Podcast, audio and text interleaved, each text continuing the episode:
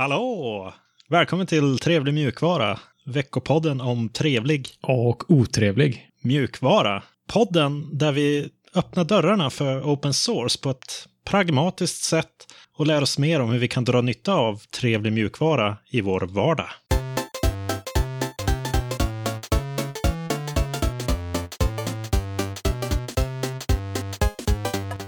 Jag heter Alexander och med mig har jag som vanligt Seb. Hallå, hallå. Tjena, tjena. Hur är läget? Jo, det är bra. Eh, det har varit min tur att varit lite sjuk nu i veckan. Eh, men annars har det varit superbra faktiskt. Själv då? Jo, det har varit fullt upp med barn och grejer. Vad ska vi prata om idag då? Ja, idag blir det som vanligt nyheter, otrevligheter, eh, trevligheter och så lite uppdateringar på våra utmaningar såklart. Eh, nyfiken på att höra lite mer om din Pinephone. Tror du har kommit en, en liten, eh, lite steg på vägen där va? Mm, men först ska vi prata om nyheter.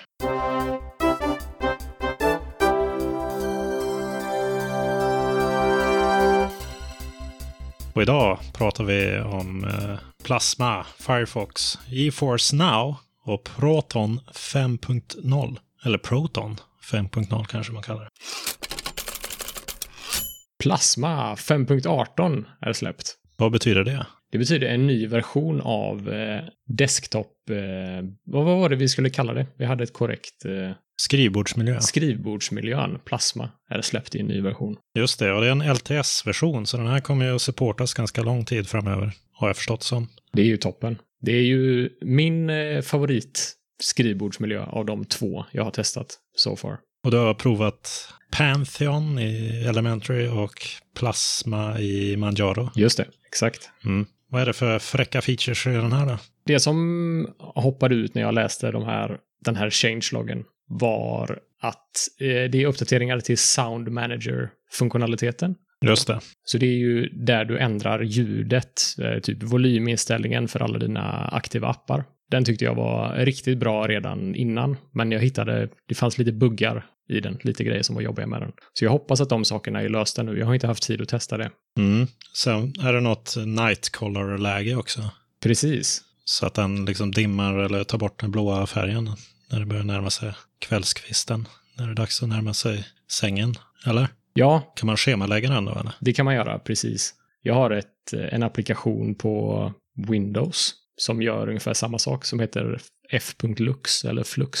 Och den tar bort den blå, den blå färgen i din eh, display och gör det mer gul, Mm. gult helt enkelt. Och det är mycket lättare för ögonen. Ja, just det. Jag tror den där Flux även finns på Mac.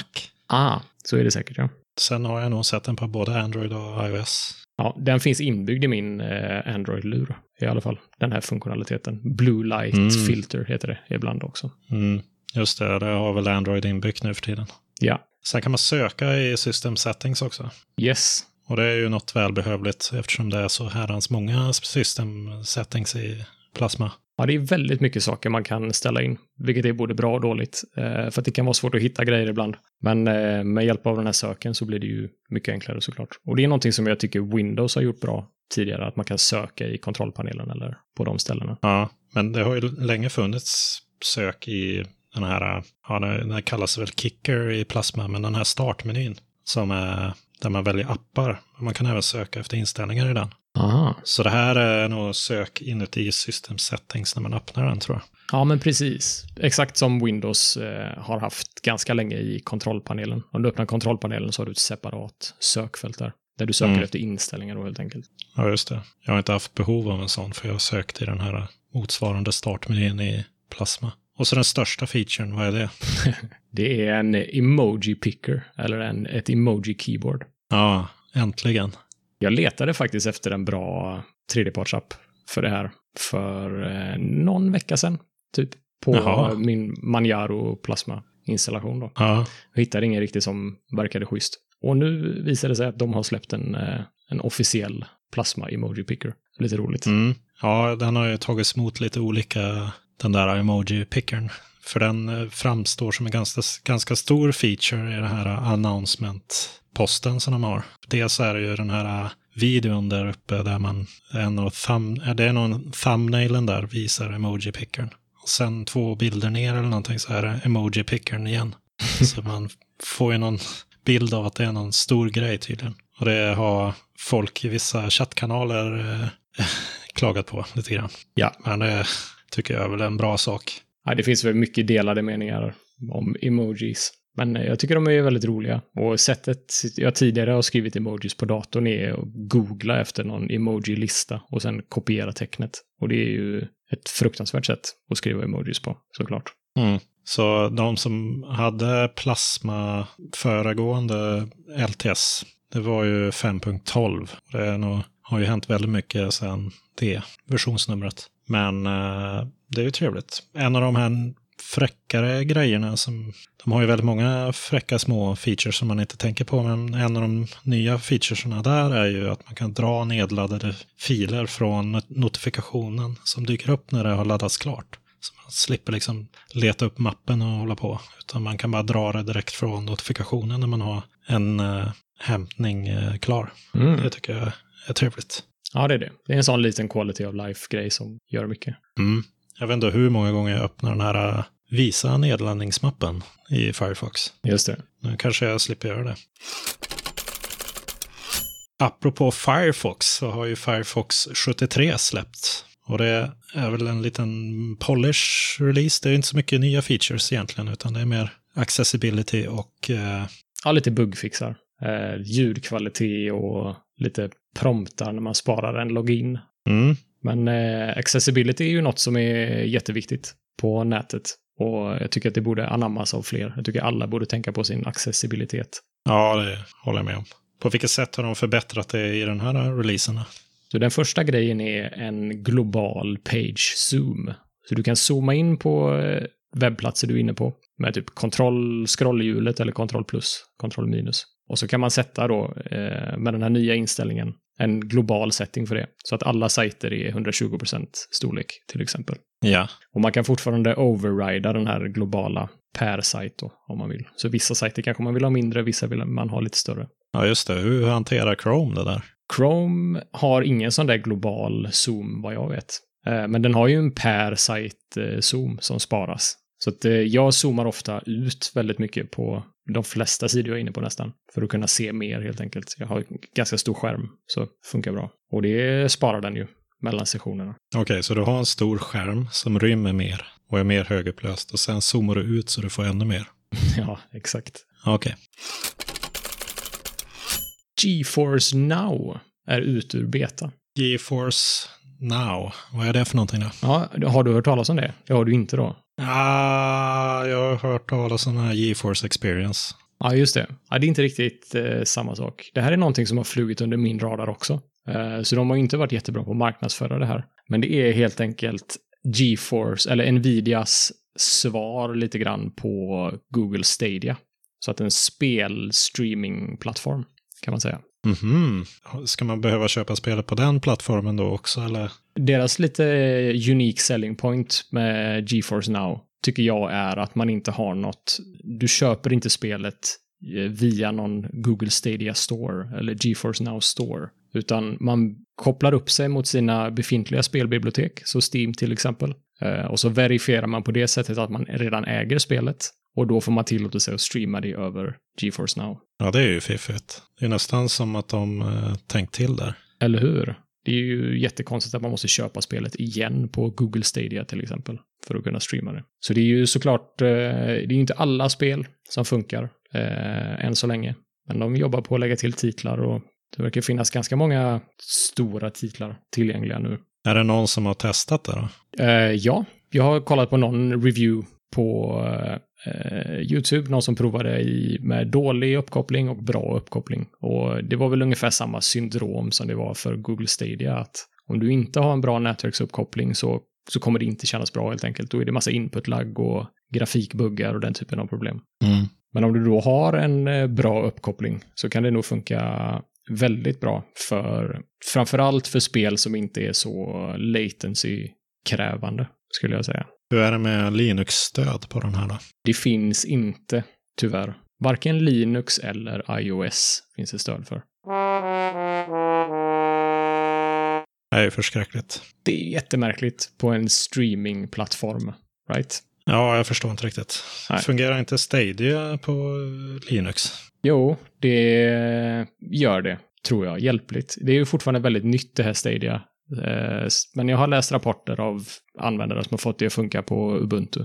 Så att eh, visst ska det funka. Hur ser framtiden ut för sådana här då? Ja. Eller vad är framtiden för Stadia vet vi kommer läggas ner om två år. Men, eh, och det kan man hålla koll på på Google Graveyard, eller vad heter sajten? ja, precis. gcemetery.co. Just det. Ja, nej men jag tycker att det är en briljant idé att streama spel eh, över nätet istället för att rendera allting på din dator. Problemen är ju uppkopplingshastigheterna, men vi som lever i Sverige har väl generellt sett väldigt bra uppkoppling, skulle jag säga. Mm. Så och grejen är den att om det här blir stort och börjar funka bra, om det jobbas mycket på det, så kommer det ju alla som stannar kvar på Windows på grund av att spel inte funkar på Linux kommer ju inte ha den ursäkten längre, åtminstone. Nej. Jag ser det lite som att eh, det här kan potentiellt öppna upp för eh, större adoption för, för Linux och andra operativsystem än Windows. Ja, jag eh, misstänker ju att de tänker lite på det här med 5G också. kommer att bli bättre uppkoppling för fler folk och alla kommer inte ha möjlighet att köpa datorer som klarar av alla spel och alla kommer vilja spela på alla möjliga plattformar. Och då är ju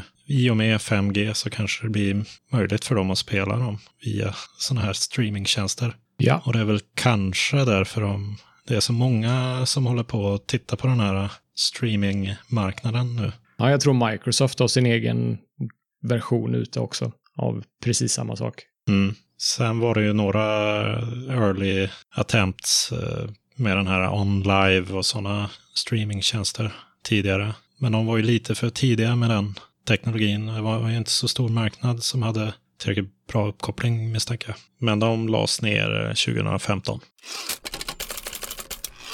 Proton 5.0. Det låter ju som ett stort nummer. Och det innebär ju Wine 5.0 också. Ja, just det.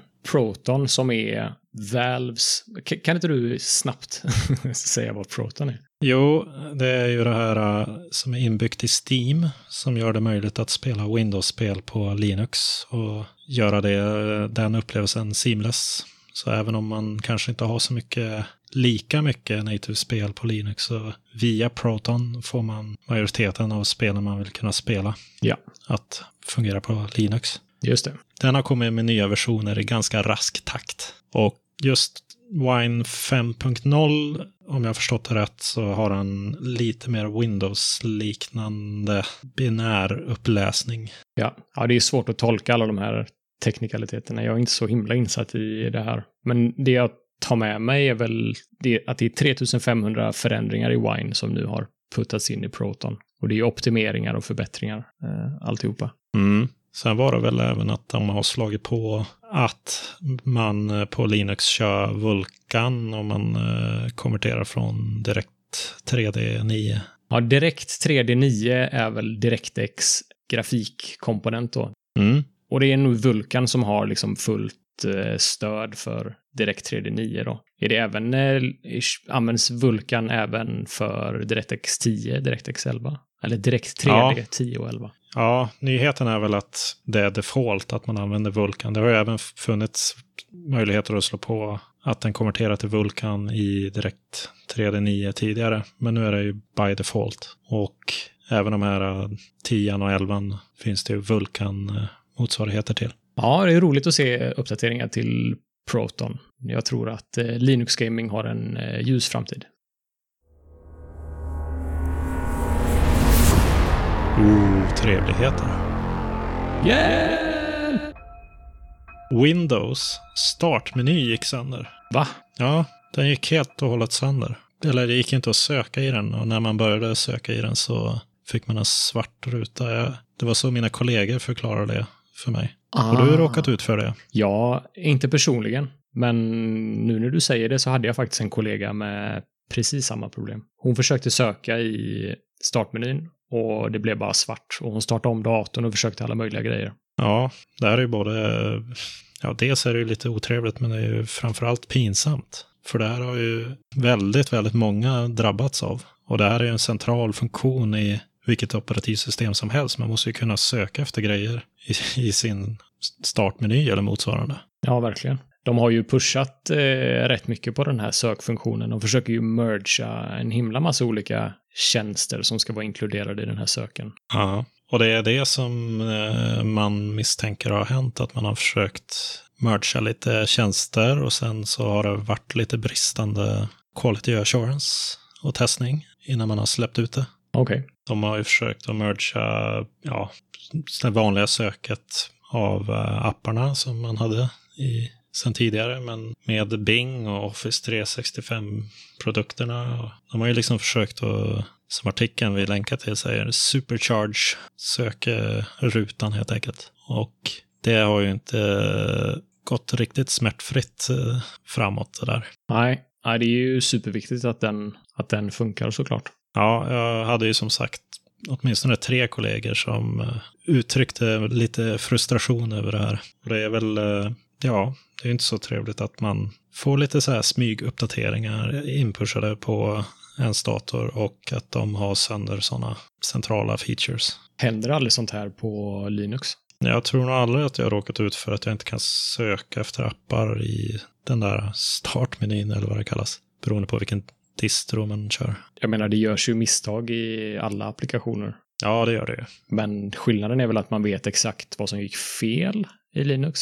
Här har man ju inte en susning. Nej, de är ju lite luddiga. De har ju inte kommit med några bra svar på varför det här har inträffat. När vi spelar in det här avsnittet i alla fall. Sen har ju olika Linux-distributioner olika stabilitet också. Vissa rör sig väldigt snabbt och då kan det gå, snabb, kan det gå sönder. Just det. Du har en annan möjlighet att ändra eller att bestämma själv hur... Ja, man får ju möjlighet att välja en distribution som är stabilare om man inte tycker om att det är instabilt ibland. Ja. På mer cutting edge distributioner. Hur farligt vill du leva? Precis. Men i Windows-världen har man inte så mycket val. Och för att fortsätta Windows-spåret så har Windows 10 nyss börjat pusha ut reklam i sin startmeny, om den, oh ja. om den nu funkar, eh, för, för nya Edge. Deras nya webbläsare Edge. Ja, men det är inte för alla. För du har inte råkat ut för det, va? Nej, eh, man kan ju faktiskt stänga av reklamen i startmenyn. Så det har ju jag gjort i min Windows. Uh, och dessutom så verkar det som att de targetar Firefox-användare framför andra. Okej, okay, så att de, de tar reda på vilka som kör Firefox och skickar ut reklam om att de borde prova Edge. Exakt. Det låter ju inte som en distribution jag skulle vilja köra. Nej, jag tror inte man behöver förklara varför det är otrevligt. Faktiskt. Nej, men är det något annat när vi ändå är inne på startmenyn som du tycker är otrevligt med startmenyn? Um, jag använder den nästan aldrig. Så att jag tycker hela, jag tycker att den är dålig bara, helt enkelt. Ja. Det var inte så konstruktivt. Men uh, det enda jag använder den för är att, att söka efter en specifik app. Så det är min, mitt sökfält i min startmeny. Ja, just det. Candy Crush. ja, precis. Om man nu inte avinstallerar det.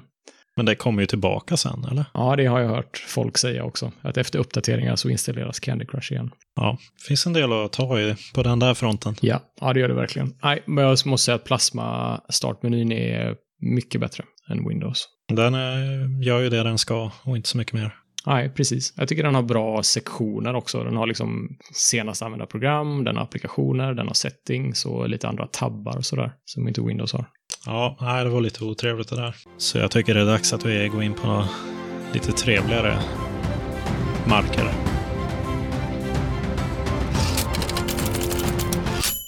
Ask not. Ask not what your country can do for you. Ask what you can do for your country. Vem var det där? Vem var det där vi hörde? Ja, you tell me. Det är ett gästspel från JFK med sitt berömda Ask Not-tal. Det var ju vid hans inauguration. Och varför pratar vi om det här då? Ja, eh, det är ju du som har lyckats eh, hitta en eh, produkt, kan man kalla det en tjänst, som heter Ask Not. Ja, som är open source. Den finns ju på GitHub. Och eh, den fungerar ju lite som hans tal där. Jag förstår ju att de har döpt den till Ask Not av en anledning. Och det är ju för att Den används bland annat på den här Plasma Mobile-sidan för att hitta, så att jag som användare ska kunna hitta fram till någonting som passar mig att bidra till projektet. Mm. Jag har varit inne på den här, eh, det finns eh, en länk i avsnittsbeskrivningen här. Eh, jag har inte använt den ända ut i kanten, men det verkar vara som en liten lotsning. Så säg att du vill hjälpa till. Du vill hjälpa Plasma Mobile med någonting, med något open source-projekt. Men du vet inte riktigt vart du ska börja någonstans eller vem du ska fråga. Så då har de en, som en liten wizard kan man nästan säga, som lotsar dig igenom det, ställer dig frågor. Är du sugen på att hjälpa till med design? Så får man klicka ja eller nej. Klickar man nej så får man ett annat förslag. Är du sugen på att hjälpa till med översättningar? Klickar man på ja där och då lotsas man in i ja, antingen ytterligare frågor eller någon liten dokumentation om hur man börjar med att eh, kunna hjälpa till att contributa. Jag la ju till den av den anledningen att den känns väldigt, ja, det är lätt att hitta till saker som man är intresserad av att hjälpa till med och som man tror att man kan hjälpa till med. Och det här är någonting som jag länge har velat göra, alltså hjälpa till lite mer med de här open source-projekten som jag använder dagligen. Och då är det ju trevligt att det finns en sån här lots som gör det snabbt och enkelt att hitta rätt. Ja, verkligen. Jag är sugen på, är jättesugen på att hjälpa till med open source. Jag har inte gjort det pinsamt nog, men jag är jättesugen på att testa. Och en sån här Asknot-lösning hjälper ju mig jättemycket. Jag ser att Mozilla har också mm, implementerat den här Asknot. Ja, just det. Ja, det är många som har gjort det. Jag tror många av de här KDE-projekten använder det.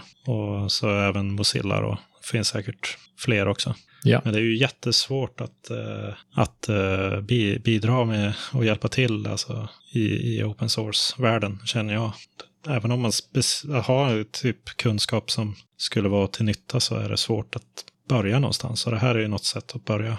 Ja, precis. Det var som du sa innan, det måste ju finnas jättemånga som är i vår sits, som har lite teknisk know-how eh, på sina specialområden kanske. Eh, och vill hjälpa till i open source, men vet inte vart de ska vända sig riktigt. Ja, den får ju 10 av 10 Torvalds. Ja. Och så får den väl, jag har inte testat att spinna upp en Asknot-instans själv då, men att använda den var ju inga problem. Så det är väl, ja, ja jag vet inte, vad, vad skulle du sätta? Eh, vad, hur stor är Gaben-skalan? Jag glömmer alltid det. Den är ju fram till 8. Fram till 8, såklart.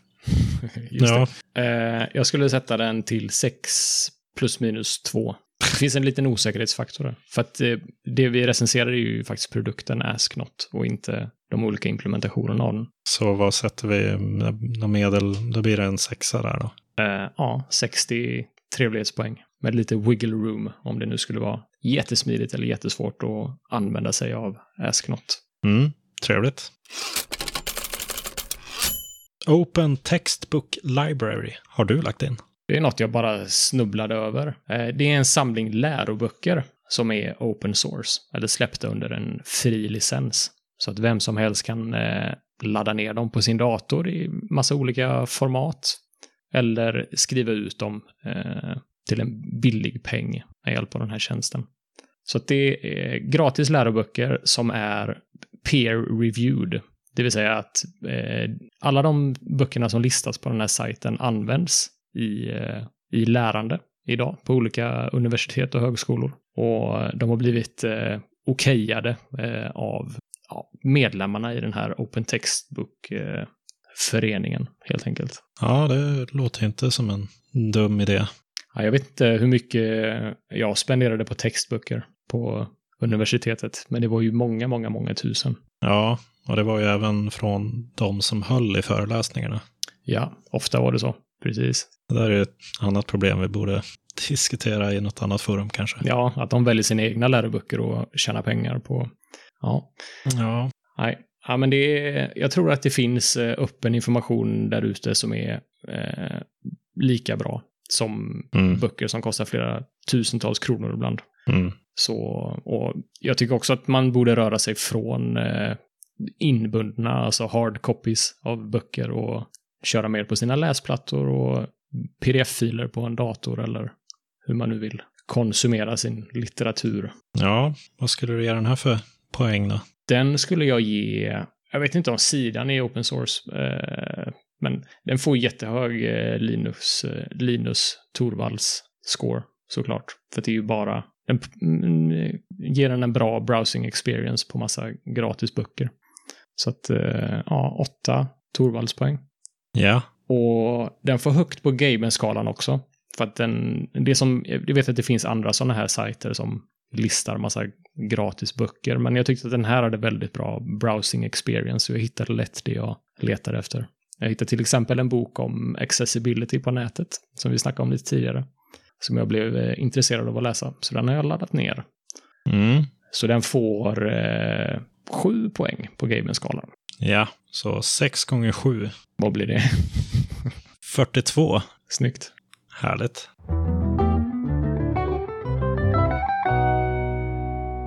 Och Seb, du har ju varit och kört lite Linux, eller? Ja, kört Linux och sen eh, lite Windows och sen lite Linux igen. Jag har hoppat fram och tillbaka.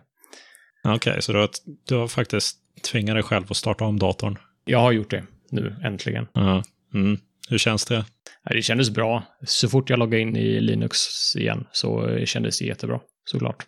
Ja, vad kul. Jag hade varit borta från Linux i fem, sex dagar, tror jag. Och då hade jag 600 megabyte uppdateringar att ladda ner och installera. Ja, det kanske var på grund av den här Plasma 5.18. Det var nog en jättestor del av det säkert. Ja. ja jag har installerat det och botat om datorn och allting funkar fortfarande.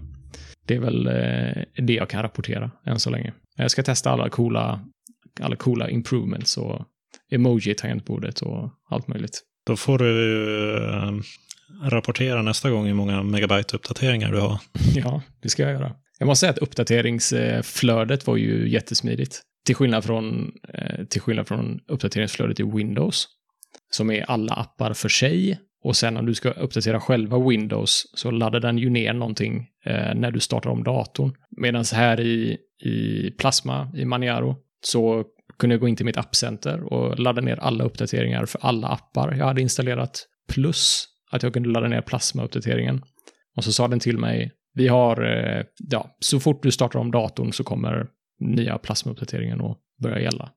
Så mm. det var ingen sån jobbig väntan som det alltid är på Windows. Det är alltid sådär ladda ner uppdateringar, 1 av 10. Och sen när du startar om datorn så är det applicera uppdateringar, 1 av 10. Aha. Och har man otur ibland så kan det ju ta en halvtimme innan man faktiskt kommer in i datorn på Windows. Ja, det är inte så trevligt. Men äh, ja, tänkte du på det här att den listar, eller uppdaterar du i textgränssnitt eller? Nej, jag uppdaterade i app, ja, App Center. Det som jag tycker är ganska kul att se är att den är så transparent med ja, dels vad det är för grejer som uppdateras och dels vad det är för nedladdningsstorlek och sen vad det blir för storlek på disken och sen en diff mot vad man hade innan. Så ibland kan man få att ja, efter den här uppdateringen så får du 200 megabyte till eh, på disken. För då har de liksom eh, installerat eh, uppdateringar som eh, ja, har mindre binärer helt enkelt. Jaha, så aha, okej, så de optimerar applikationer i uppgraderingar och så tjänar du space på din disk. Ja, men ibland så refaktoriserar man ju appar och systemkomponenter och då kanske man kan skala bort en massa kod eller annat och då försvinner ju lite storlek och då är det trevligt att den berättar att man kanske ibland, att den ibland minskar i storlek. Ja, just det. Ja, det har jag nog aldrig varit med om. Jag har nog aldrig sett att en uppdatering har gjort att jag får mer plats på datorn. Det brukar ju vara extra grejer. Ja, det har jag det tänker på. Ja, det känns som att det händer varannan gång jag ja, uppdaterar. Okay. Sen får du gärna testa den här Kicker, eller vad kallas den? Man, håller, man trycker in allt F2. Ja. Och så ja, du kan prova skriva in till exempel dollar eh, pengar där. Och så kommer den att konvertera till alla möjliga valutor i den lilla rutan. Ja, allt F2 är som, eh, just det, det är en sån multi-runner funktionalitet. Ja, det är som ja, en, en textinput där du kan söka eller starta appar eller eh, man kan räkna, göra matte i den också. Ah. Om du vill göra något snabbt, eh, någonting gånger någonting. Det är fräckt. Jag, är så, jag var ju så trög nu så jag räknar ju 6 gånger 7 i, i den. Till exempel. Ja, okay. så det är, det är sånt som sätter sig i ryggmärgen och sen när man är tillbaka på Windows saknar man den fullständigt. Ja, just det. Ja, det har ju funnits. Jag har varit med om liknande sån funktionalitet på Mac. Har väl någon typ Alfred eller de har väl sin egen sån grej också. Ah, Men okej. den är säkert mycket mer kraftfull den här. Ja, det är något som måste sätta sig i ryggraden tror jag. Men den kan vara Mm. jätteanvändbar. Har du provat på de här fönsterreglerna? Eh, jag tror inte jag vet vilka fönsterregler du menar riktigt. Ja, men att man sätter regler för att ja, när den här äh, appen med det här namnet startar så ska den hamna här borta och inte gå att röra på sig och den ska ligga underst alla andra fönster och sånt. Sådana regler. Ja, nej, det har jag inte gjort. Det finns ju lite Nej. inbyggda sådana grejer. För att när jag startar Chrome så har, har den alltid 50% av bredden. När jag startar Jaha. Firefox menar jag. Ursäkta. Okej. Eh, Så att den kommer ju uppenbarligen ihåg din senaste setting på fönstret. Men det här är lite mer nästa steg där du liksom definierar att här, så här vill jag ha den och det här ska den alltid vara. Eller, Det har ju inte bara med position att du kan byta färger på fönstret och ta bort fönsterramar och allt möjligt. Ja. ja, nej, det har jag inte utforskat, men det ska jag göra. Det låter ju spännande. Du får hojta till nästa gång du sitter i det där så har jag lite mer tips och tricks. Yes. Och du, Alex, Ja. du har ju fått din Pinephone, som vi hörde i förra avsnittet. ja. Kan vi inte börja med att du drar av skyddsplasten från den, så att vi alla får höra det? Nära micken nu. Ja, jag ska försöka. Vänta då. Hör du plasten här? Ja. Den är lite lös. Hände det? Ja, den är... Vänta. It's done. Ja, nu är den av. Gött. Grattis. Nu har du Tack. invigt eh, din Pinephone ordentligt. Ja, det har jag. Jag har invigt den på fler sätt också. Okej. Den eh, fungerar ju så att man har ett SD-kort som, man, eh, som den egentligen försöker att titta i innan den botar från det inbyggda minnet. Om det finns någonting att bota från där. Och då kan man egentligen bara, precis som en USB-sticka, du vet, när man installerar Linux, kan man bara flasha på de här olika operativsystemen på den här SD-kortet. Just det. Eh, och så startar man om mobilen och så har man den botar rakt in i det som man har satt på, eller ins- ja, flashat in på SD-kortet. Okej. Och jag var ju initialt sugen att på att testa den här, eh, jag hittade någon fräck video på när de multiboot eh, interface där man får välja när den botar upp eh, vilket operativsystem man ska köra. Och det finns en länk i avsnittsbeskrivningen till, ett sån, till en sån YouTube-film. YouTube-film. Ja, det är ett litet klipp på YouTube där man ser honom liksom dra olika operativsystem som den här bootloadern har hittat. Och, ja, men han får välja liksom vid boot vilket operativsystem han ska köra. Okej.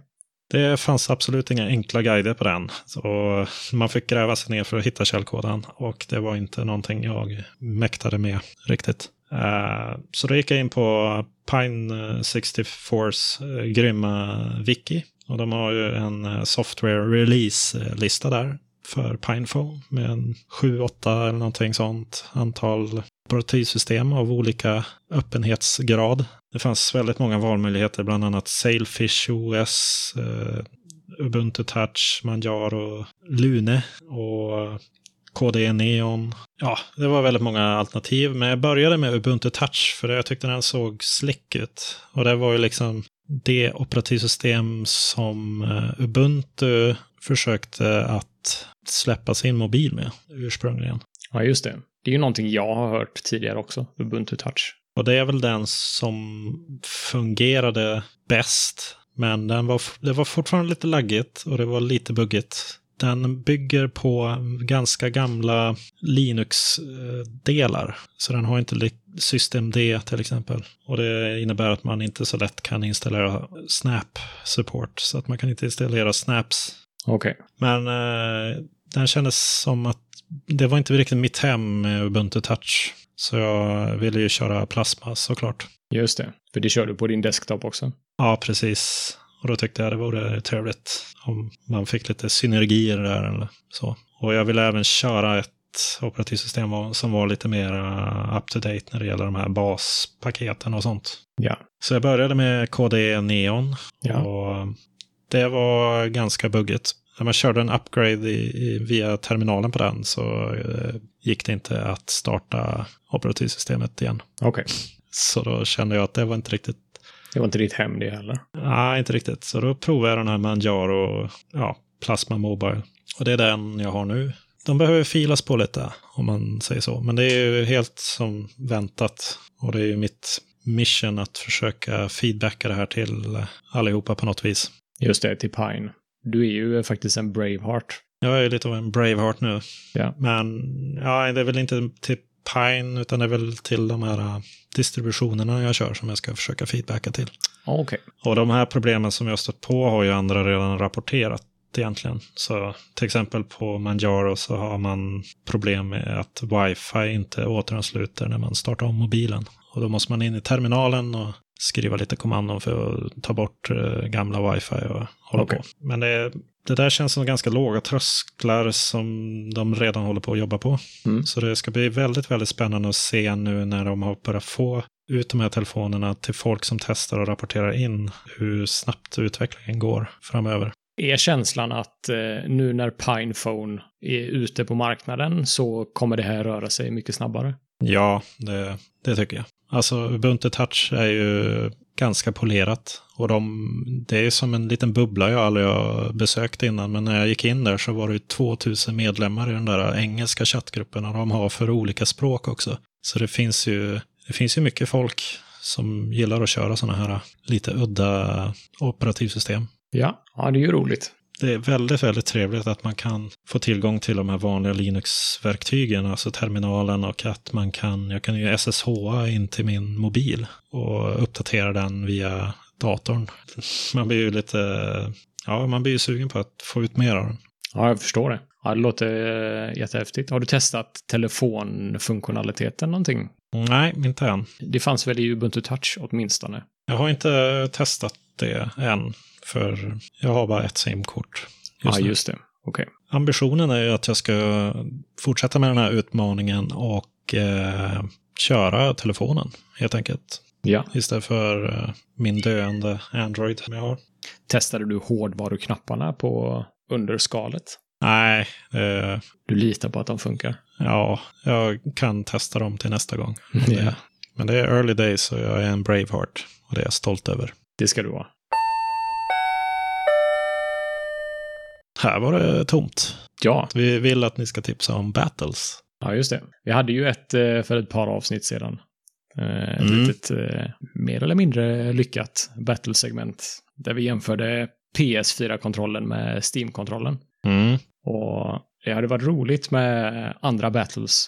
Så vad ni som lyssnar, jag tror ju säkert att ni argumenterar med era vänner om vilken app som är bäst. Firefox eller Chrome. GitHub eller GitLab. Eller lutande eller liggande tangentbord. Det är ju något som vi kan lösa åt er genom att avgöra den striden här i podden.